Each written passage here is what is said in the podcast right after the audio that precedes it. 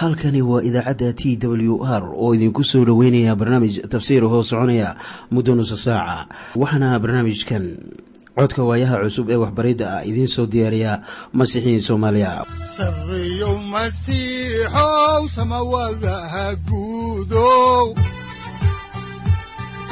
Siraadkii adduunkow subanaha eebow sareyow masiixow samawadaha guudow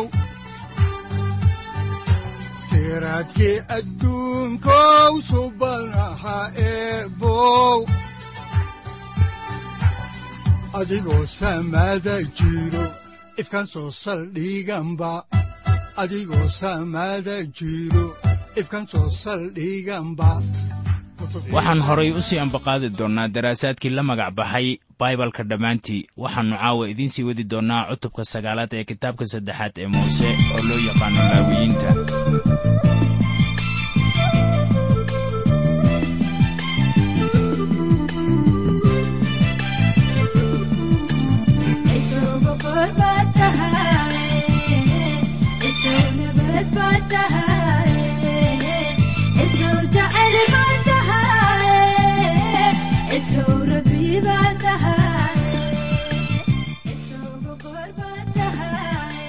caawana waxaannu eegaynaa maaddada kale ee ah haaruun oo bixinaya qurbaanka haruurka iyo ka nabaaddiinnada. Haddaan horay u sii ambaqaadno kitaabka laawiyiinta ayaa waxaa ku qoran cutubka sagaalaad aayadaha toddoba iyo toban ilaa kow iyo labaatan sida tan oo haddana wuxuu keenay qurbaankii haruurka markaasuu cantoobo muggeed ka qaaday uu ku dulgubay meesha allabariga kaasoo ka goonni ah qurbaankii la gubayey oo subaxnimada.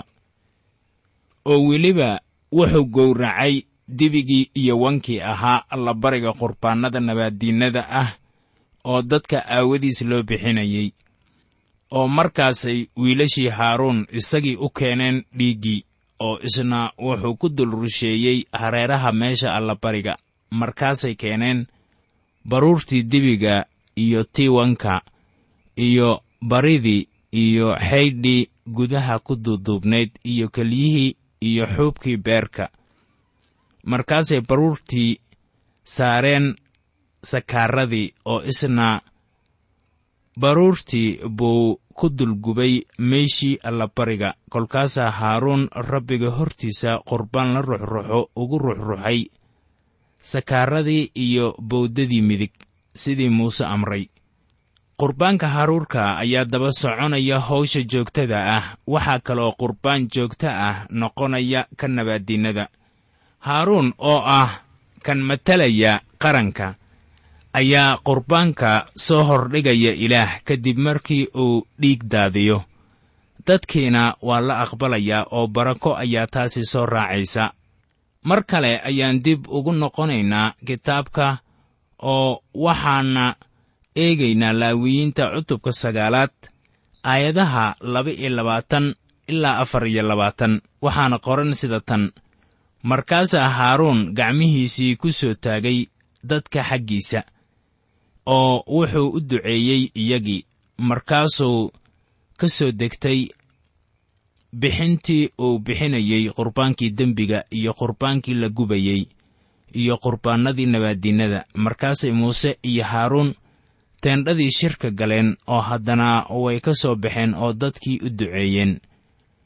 kolkaasaa ammaantii rabbigu dadkii oo dhan u muuqatay oo rabbiga hortiisa waxaa ka yimid dab oo meesha allabariga dusheedii ayuu ku baaba'saday qurbaankii la gubayey iyo baruurtii oo dadkii oo dhammuna markay taas arkeen ayay qayliyeen oo wejigooda u dhaceen barako ayaa daba socota bixinta saddexda qurbaan oo kala ah qurbaanka dembiga iyo kan gubniinka iyo qurbaanka nabaaddiinnada. Dabeetana muuse iyo haaruun ayaa ku noqday taambuugga. Waxaa markaa loo malaynayaa wakhtiga la bixiyo qurbaanka fiidnimo inay u yimaadeen inay dadka barakadeeyaan sida abbaarta ana.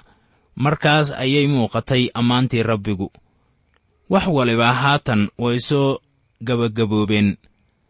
Dadkii baa qayliyey oo wejigoodii bay u dhaceen iyagoo ilaah ammaanaya oo faraxsan. Masiixu haatan wuxuu soo galay meeshii quduuska ahayd taasoo ah samada qudheeda si uu aniga iyo adiguba ugu muuqdo. Saaxiibayaal waxaad eegtaan masiixa nool. Hortiisa ku dhaca idinkoo faraxsan oo zabuurro ku gabyaya maadaama aynu intaasi ku ekaynayno cutubkii sagaalaad ayaannu si toos ah u bilaabaynaa cutubkan tobanaad. Mawduuca cutubkan tobanaad wuxuu ka hadlayaa naadaab iyo abihu oo soo gelaya hawsha wadaadnimada iyagoo aan wax xukun ah haysanin. Haddaba ciqaabtoodii waxay noqotay dhimasho haddaba kitaabka laawiyiinta sidaa wax uma fasiro laakiin waxaa ka buuxa tusmooyin iyo camallo sharciyo iyo xeerar. Markaana cutubkan ayaa waxaa lagu arki karayaa isbeddel ku imaanaya wax akhriska qoraalka oo isku beddelaya faallo ama fasiraad. Haddaba danta ayaa meesha ka baxaysa iyadoo ay ugu wacan tahay in meeshii lagu arkay masiibo naxdin leh. Taasoo halkan aynu ku arki doonno waxaa markaana halkan yaalla qiso daba dheer oo ah dembiga iyo caasinimada dheeraatay ee dadka. Waa qoraal ka hadlaya caasinimo iyo addeecidarrada labadii wiil ee haaruun dhalay. Waxaa tanu ay timid markii dadku ay arkeen ammaantii ilaah sida ku qornayd cutubkii aannu ka soo gudubnay ee sagaalaad sida badan waxaan aragnaa waxyaabo ceenkan ah oo dhacaya markii guul la gaaro.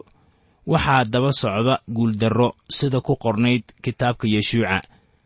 Guushii ay ka heleen magaalada yariixo waxaa u soo raacday guuldarradii aaci waa reer banu israa'iile tusaalaha naadaab iyo abiihu waa mid cabsi badan markaan eegno waxbaridda caddaanka ah ee ilaah inagu siiyey siinaay waxaa ku qoran kitaabka baxniintii cutubka sagaal iyo tobanaad aayadda laba iyo labaatanaad sida tan oo weliba wadaaddada rabbiga u soo dhowaanaya quduus ha iska dhigeen waaba intaasoo rabbigu uu halligaaye. Haatanna aynu eegno dulmarka cutubkan.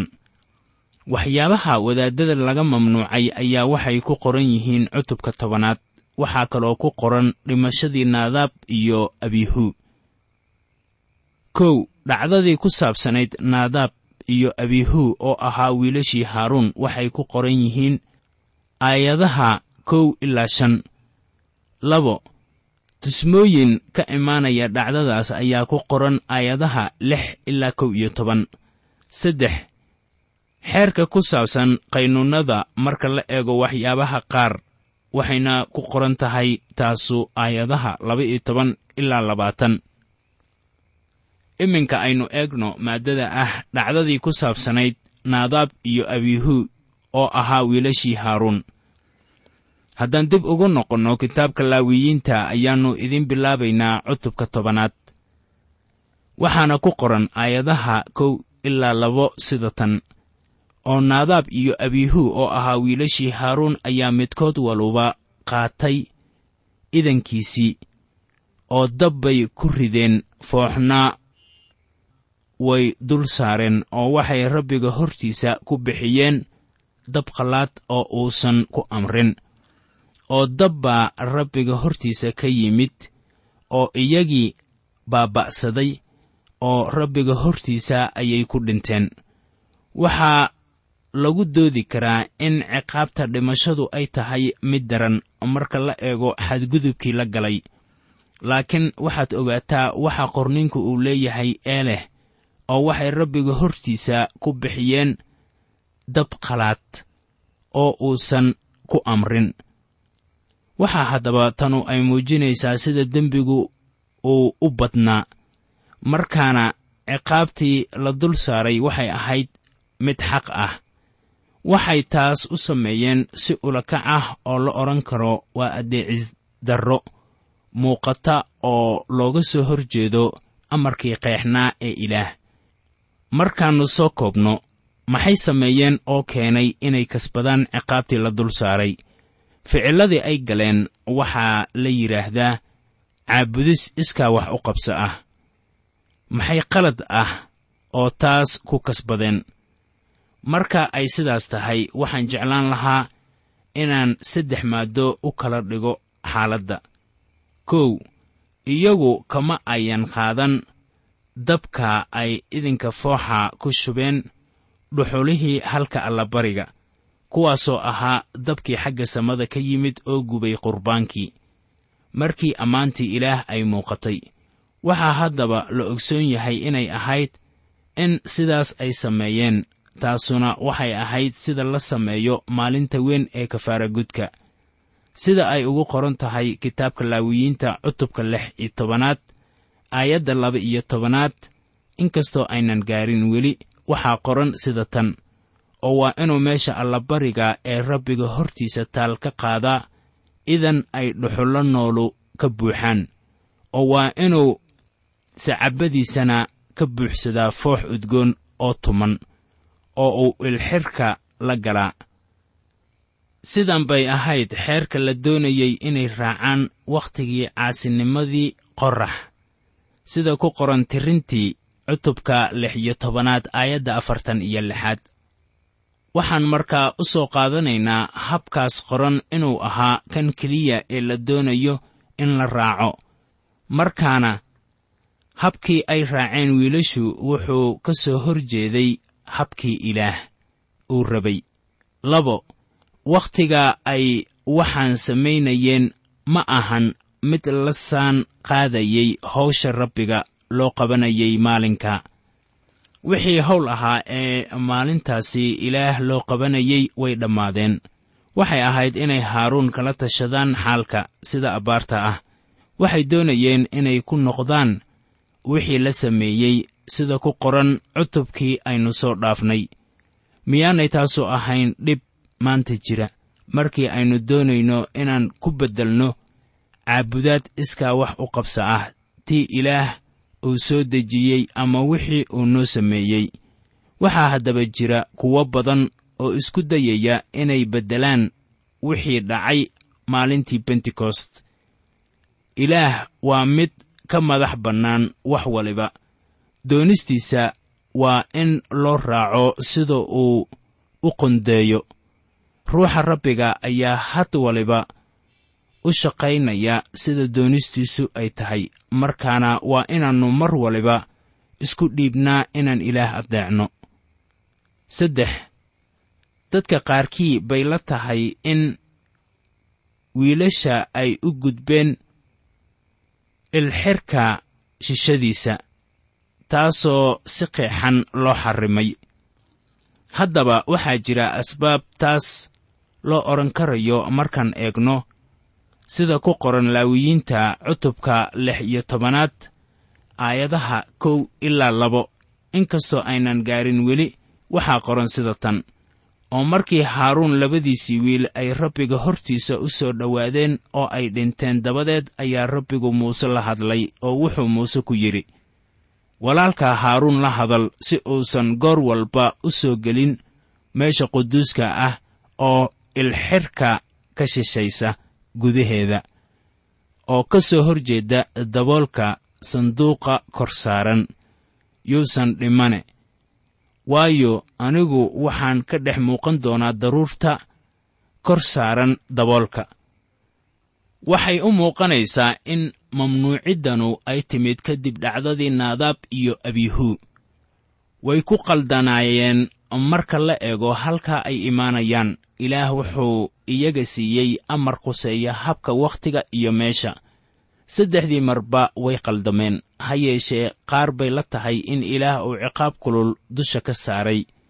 Waxay markaasi taasu muujinaysaa in ilaaheennu uu yahay ilaah aan qaadan waxyaabaha qaar.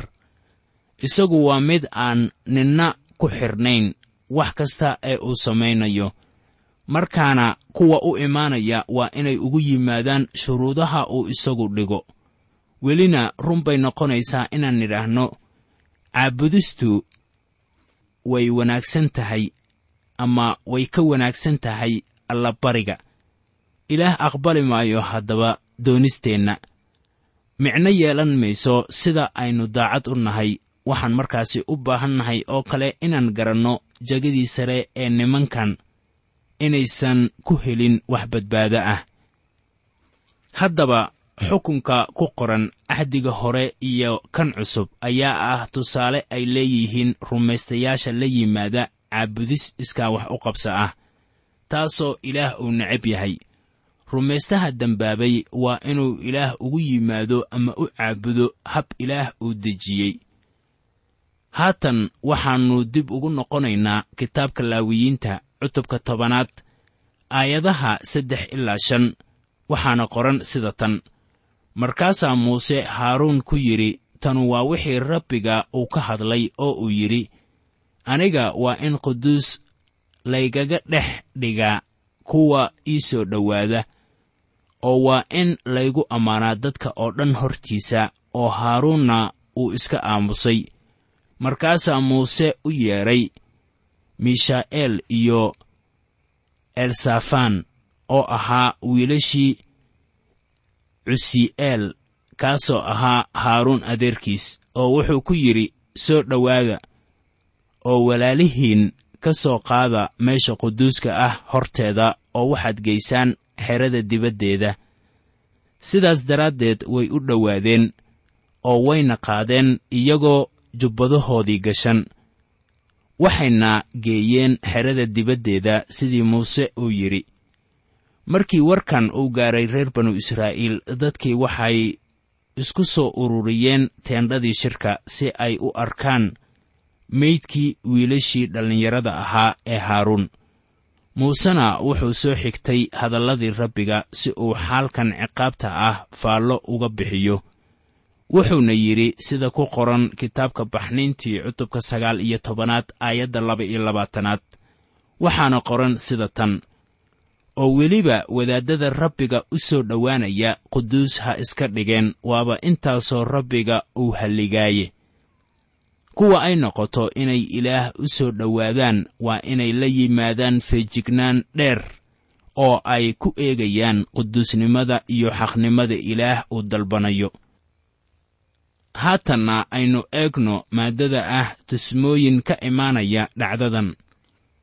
Haddaan dib ugu noqonno kitaabka laawiyiinta ayaa waxaa ku qoran cutubka tobanaad aayadaha lix ilaa toddoba sida tan.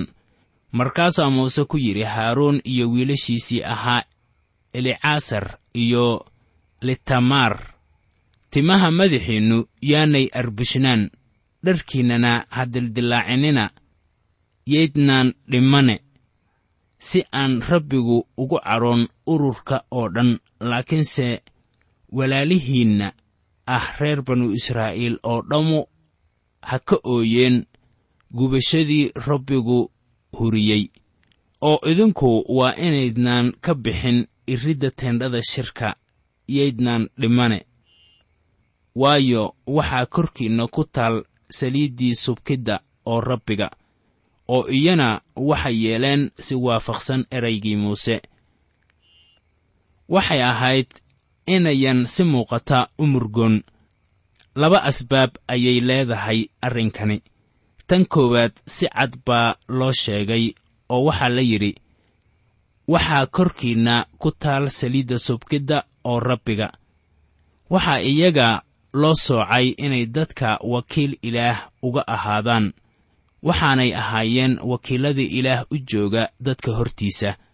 Waxay ahayd inay sii wadaan hawsha ah in la helo dhexdhexaadiya u dhexeeya ilaah iyo dadka si aan rabbigu ugu cadhoon ururka oo dhan oo aan ciqaab dhimasho dusha looga saarin. Tan labaadna waxay ahayd inaanay si muuqata u muujinin baroordiiq taasoo ka hor imaanaysa ficilkii xukunka ahaa ee ilaah uu ku sameeyey kuwii ay jeclaayeen. Waxay u adeegayaan ilaah oo waa inayan jirin xaqaa'iq tilmaamaya caasinimo ay ilaah kala hor imaanayaan. Haddaan halkaasi ka sii ambaqaadno xigashada ayaa waxaa ku qoran kitaabka laawiyiinta cutubka tobanaad aayadaha siddeed ilaa sagaal sida tan markaasaa rabbigu haaruun la hadlay oo wuxuu ku yidhi ha cabina kamri amase wax lagu sakhraamo. Adiga iyo wiilashaada kula jira toona.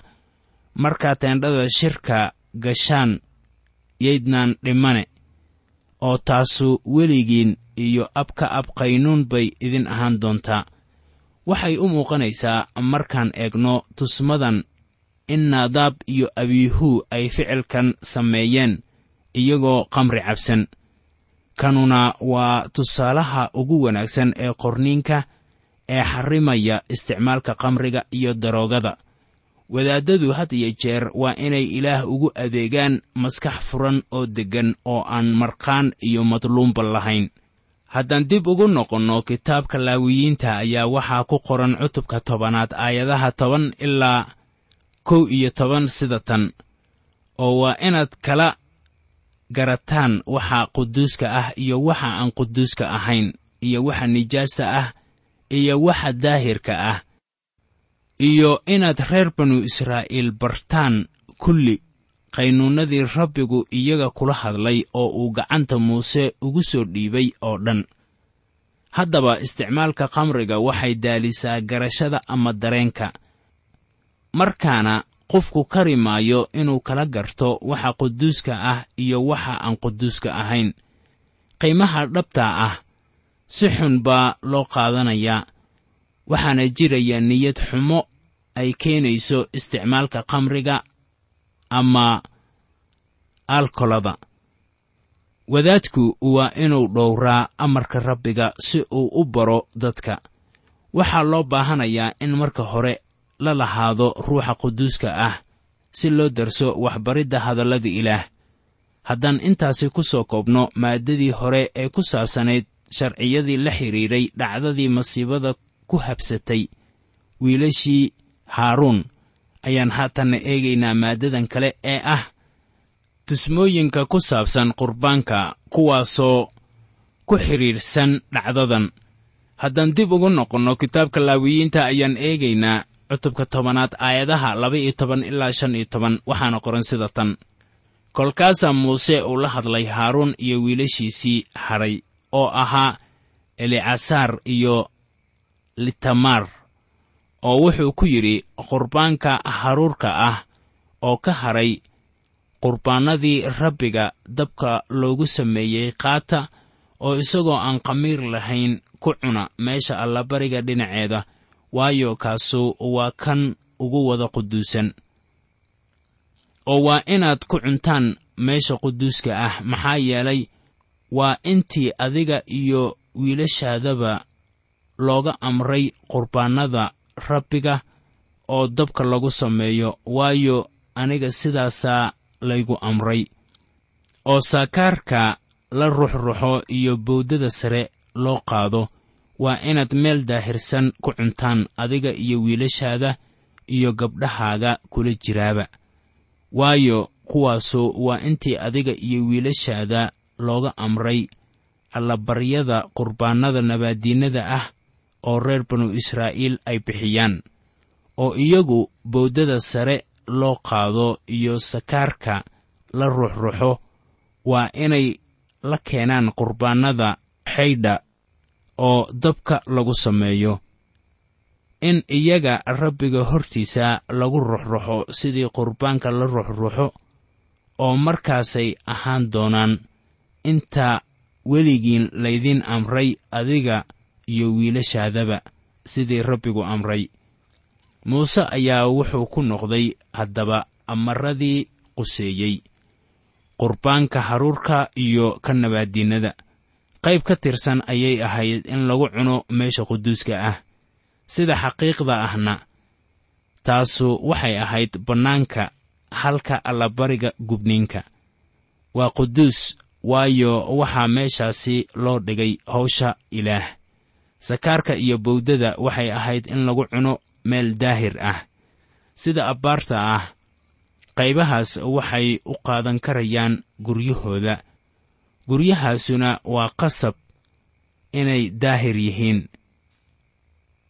Haddaan halkaasi ka sii wadno xigashada kitaabka ayaa waxaa ku qoran laawiyiinta cutubka tobanaad aayadaha lix iyo toban ilaa siddeed iyo toban sida tan oo muuse aad buu u doondoonay ridii ahayd qurbaanka dembiga markaasuu ogaaday in la gubay.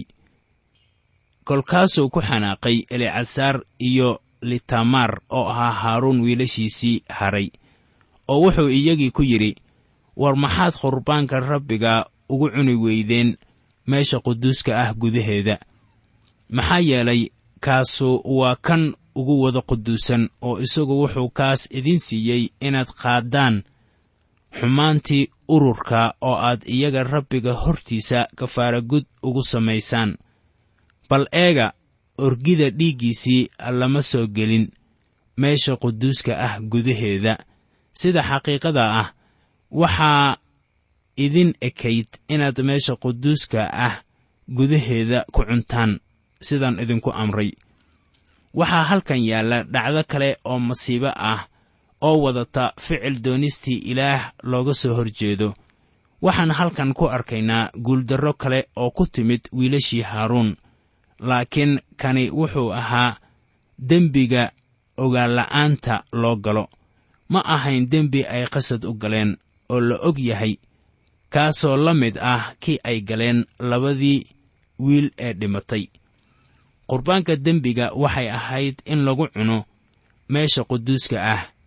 Haddaan soo gunaanadno xigashada cutubkan tobanaad ayaa waxaa ku qoran kitaabka laawiyiinta aayadaha sagaal iyo toban ilaa labaatan sida tan. Markaasaa haaruun la hadlay muuse oo wuxuu ku yidhi bal eeg maantadan ayay rabbiga hortiisa ku bixiyeen qurbaankoodii dembiga iyo qurbaankoodii la gubayey.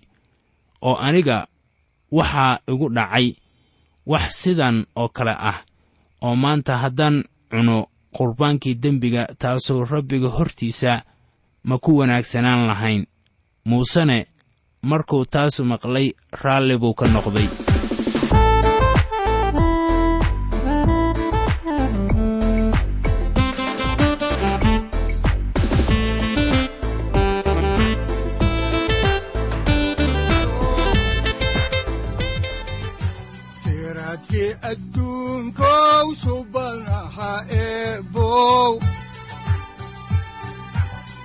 adigoo samaada jiro ifkan soo saldhiganba adigoo samaada jiro ifkan soo saldhiganba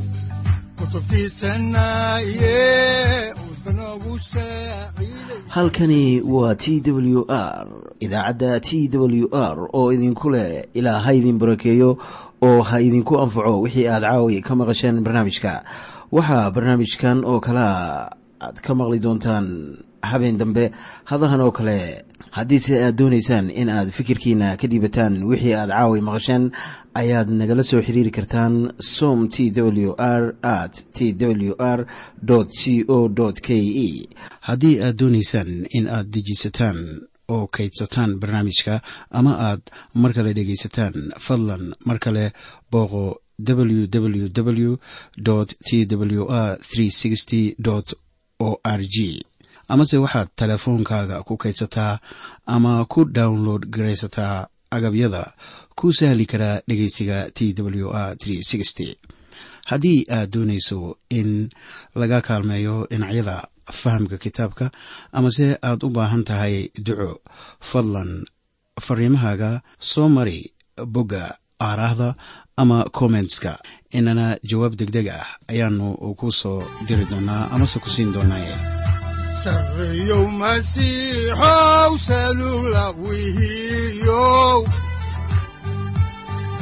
saacadda timid dhulka sabada ku dhalatiyo